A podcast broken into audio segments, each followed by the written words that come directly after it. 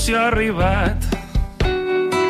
I jo sóc al sofà de casa amb el meu fill estimat. Mentre es van omplint les places jo vull anar-hi però no. Oh, haig d'estar-me aquí a casa fem bombolles de sabó li ensenyo com s'enlairen jo faig la revolució des d'un poblet de la plana cuidant de l'educació del bailet de la mare jo faig la revolució Som al suplement, som a Catalunya Ràdio, som de confinament, també a Catalunya Informació. Segurament eh, aquesta revolució de San Josex, aquesta nova cançó que va publicar ahir, és un dels pocs regals que ens deixa aquest confinament.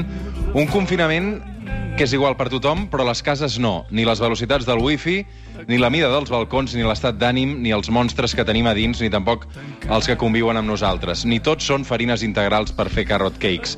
Això és el que escrivia fa una setmana la periodista Lídia Heredia en un article titulat Tot no sortirà bé, que ha estat el més llegit del web de TV3. Un article que ens obliga a tocar de peus a terra i que ens convida també a reflexionar sobre les veritats socials que fins ara havíem amagat, però que, per culpa del coronavirus, doncs ara estan sortint a la llum. Lídia Heredia, bon dia. Molt bon dia, com esteu? Com us trobeu? Molt bé, i tu? Bé, la veritat és que mai hagués pensat que aquesta pregunta, que era com retòrica, no?, la nostra vida social, com estàs? Uh, deixés de ser-ho, no? I, i, i m'hi trobo molt aquests dies, no?, que preguntem el com estàs o com esteu d'una manera molt diferent. Jo estic confinada, uh, teletreballant i, i amb moltes ganes de tornar a treballar desconfinada. Per tant, uh, seguim-vos a tots molt de prop, amb, amb admiració i també haig una mica mossegant-me les ungles, eh? Ja m'ho imagino, perquè deus tenir ganes de pantalla, també. Uh, deixa'm dir que, que uh, primer de tot, explica'm com és el teu confinament. Quan sou a casa, Lídia? A casa som quatre.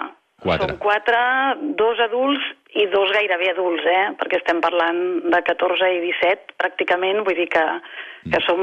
Home, encara es poden, acollir, adults. es poden acollir a la mesura del govern espanyol de demà, Eh, no? Escolta'm, t'he escoltat, us he escoltat mentre entrevistàveu a aquest representant, no?, del, sembla que era el responsable de- Sí, d'educació. de la infància, menor. sí, de, de la infància, sí. Eh, us hem escoltat molt atentament, eh? a veure si aclaríem. Hi ha una pregunta que nosaltres volíem fer, si és que l'adult que surt acompanyant el menor, si la, el menor es posa a córrer, l'adult pot córrer darrere seu, i mira, això no ho hem acabat d'aclarir. El que Però passa és que tots quatre, Déu-n'hi-do. teòricament, tots quatre no podeu No, no. sortir. No, no, no, no, m'ha quedat clar això, m'ha quedat que, clar. I és un, dels, és un dels dubtes que intentàvem resoldre. Um, escolta'm, expliquem-ho, Lídia, perquè um, tu no estàs fent programa, però estàs treballant, eh? Eh, sí, a veure, a a TV3 jo recordo molt aquell divendres 13 de març que nosaltres vam fer l'últim matins, no?, i que, i que ja es veia, es veia venir que es prendria alguna mesura més dràstica a les pròximes, no?, les properes hores, i en aquell moment, quan es va prendre la direcció de- d'informatius, va prendre la decisió, en aquell moment jo crec que era absolutament la que s'havia de prendre, perquè no sabíem què venia, i, i, i es va decidir posar totes les que som, no?, la redacció d'informatius, som matins, el TN Matí, el Comarques, no? el, Més 324, el Xavier Grasset, sota un sol paraigua i sobretot eh, falcant els telenotícies, no? que és el que no podia caure de cap de les maneres. Per tant, ens vam posar al servei de la redacció d'informatius i a partir d'aquell moment eh, es va decidir això, no? que, que, que per assegurar que no, que no entréssim en pana mm, quedàvem tots repartits en el, i això és el que ha fet l'equip de matins, és a dir, l'equip de matins ha estat repartit reforçant les seccions, reforçant les equips d'edició de telenotícies i en el meu cas, com que també hi havia el dubte no, de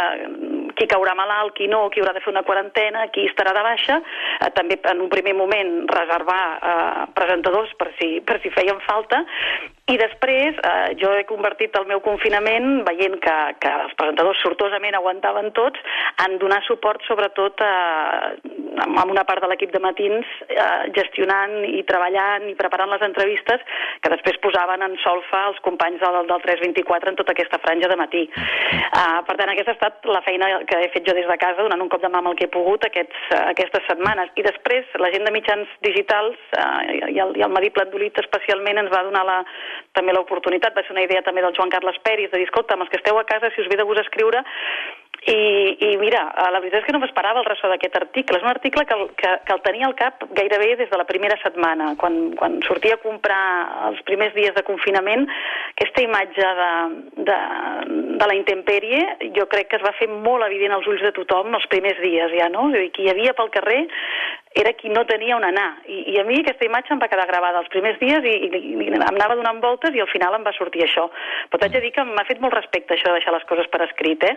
Vull dir que en tinc un altre al cap, però no sé el que trigaré a fer-lo perquè, perquè trobo que ara cada vegada admiro més a la gent que fa un article cada dia, eh? Perquè no ho trobo gens fàcil. Deixa'm posar una banda sonora a aquesta conversa. i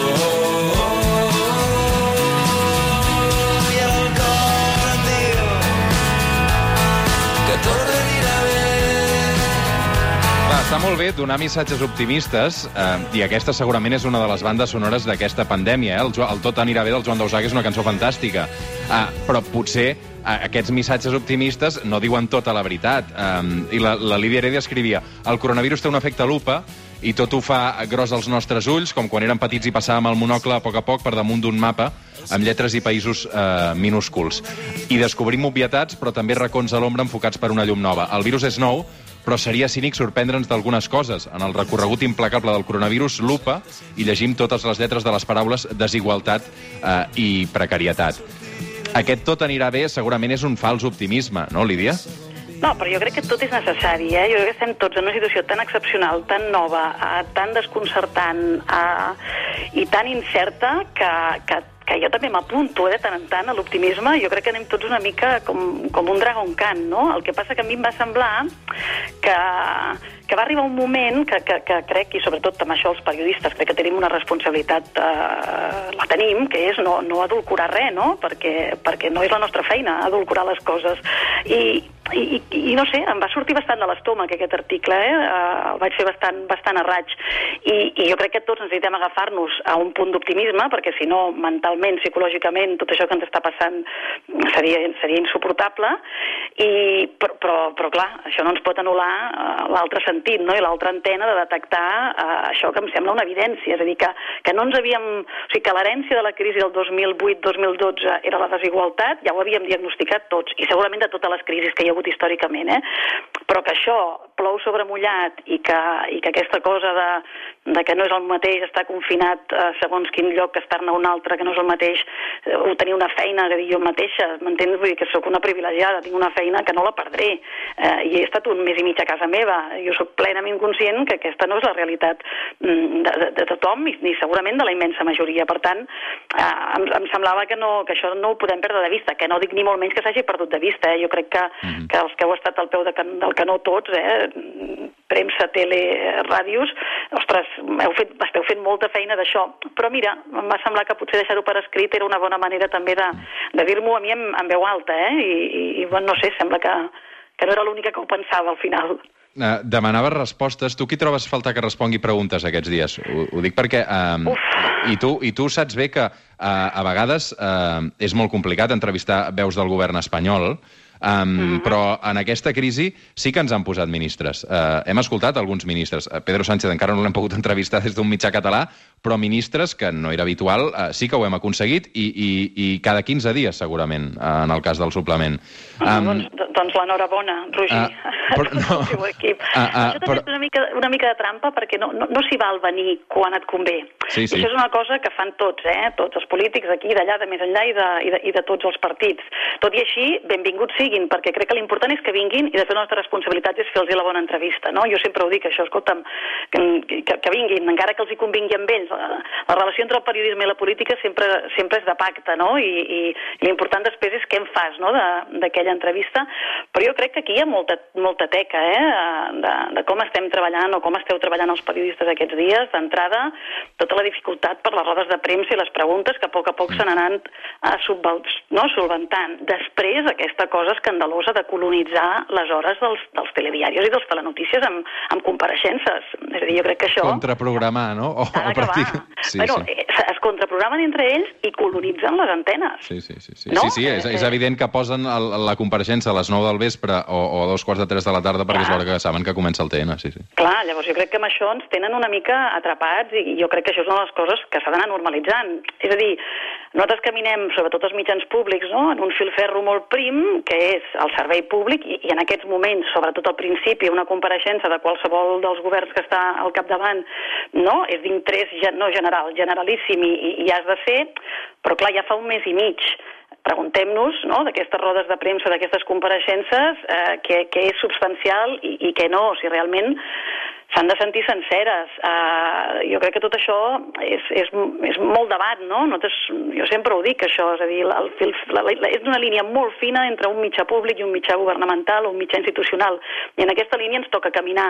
I situacions com aquesta, que a tu també, a tu també et deixen no? eh, molt sotregat i segurament amb guàrdies baixes, perquè tots acumulem molt cansament, uh, jo crec que no, no, no ho podem deixar de vigilar. eh, tot això. Després se'n pregunten, és a dir, la, la repregunta telemàtica és molt feixuga I i, sempre et poden no respondre, no? Jo tinc moltes ganes de recuperar les entrevistes presencials, que ja sé que trigarem una miqueta i s'hauran de fer amb els, amb els dos metres de distància, però tu això, no sé, ho sabràs... No, no té res a veure fer una entrevista per telèfon que, que fer una entre... o, o, i, i, I encara més si és per Skype, que a vegades hi ha delay i tot és molt més complicat, és evidentíssim. O, o Clar. quan no veus el convidat, eh, que també li veus els gestos, li veus com reacciona a la teva pregunta, si està incòmode o si està còmode, o si... si eh, vull dir que canvia molt, canvia molt. Clar, Un altre i- debat que tenim nosaltres, Lídia, no sé tu com ho veus, um, és tot el tema de les xifres, no?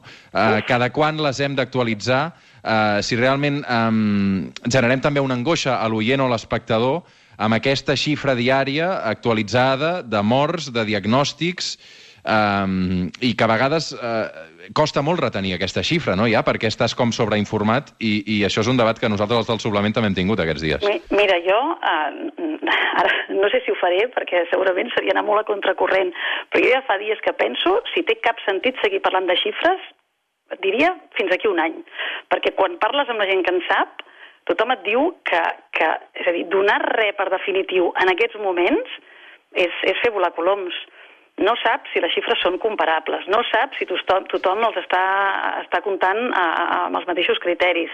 Uh, uh, òbviament, mm, la, de les xifres que tens depèn de la capacitat que tens també de fer proves i testos diagnòstics. Uh, òbviament hi ha la, la part de, de, no, de, de percentatge de població, de números absoluts, de mort per milió, és a dir, de, de, de quina és la demografia de cada país.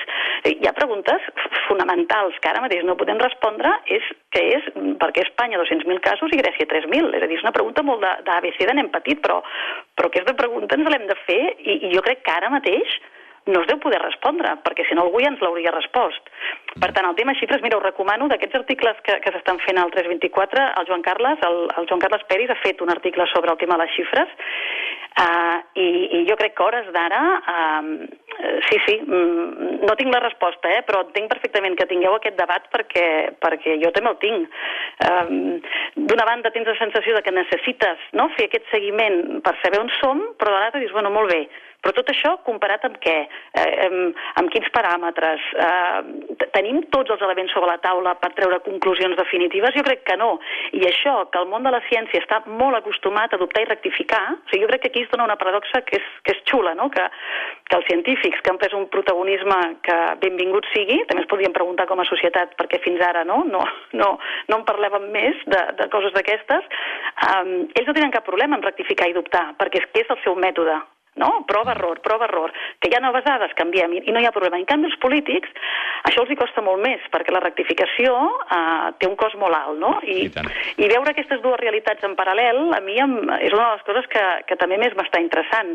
Després el tema de les fonts oficials, que també hi ha hagut tot un debat al voltant d'això. Jo aquests dies hi pensava, és a dir, sense fons oficials eh, el periodisme no pot viure. Ara, només amb fons oficials, el periodisme està mort, això ja t'ho dic. Per tant, un altre filferro prim eh, en el, en el que hem de caminar aquests dies, no? Uh, jo crec que aquest tema ens dona ens dona material per anys, Roger, per anys, perquè, perquè és que ho ha enfocat tot una altra vegada, tot. Deixa'm que posi una altra banda sonora per tancar. Tutto andrà bene,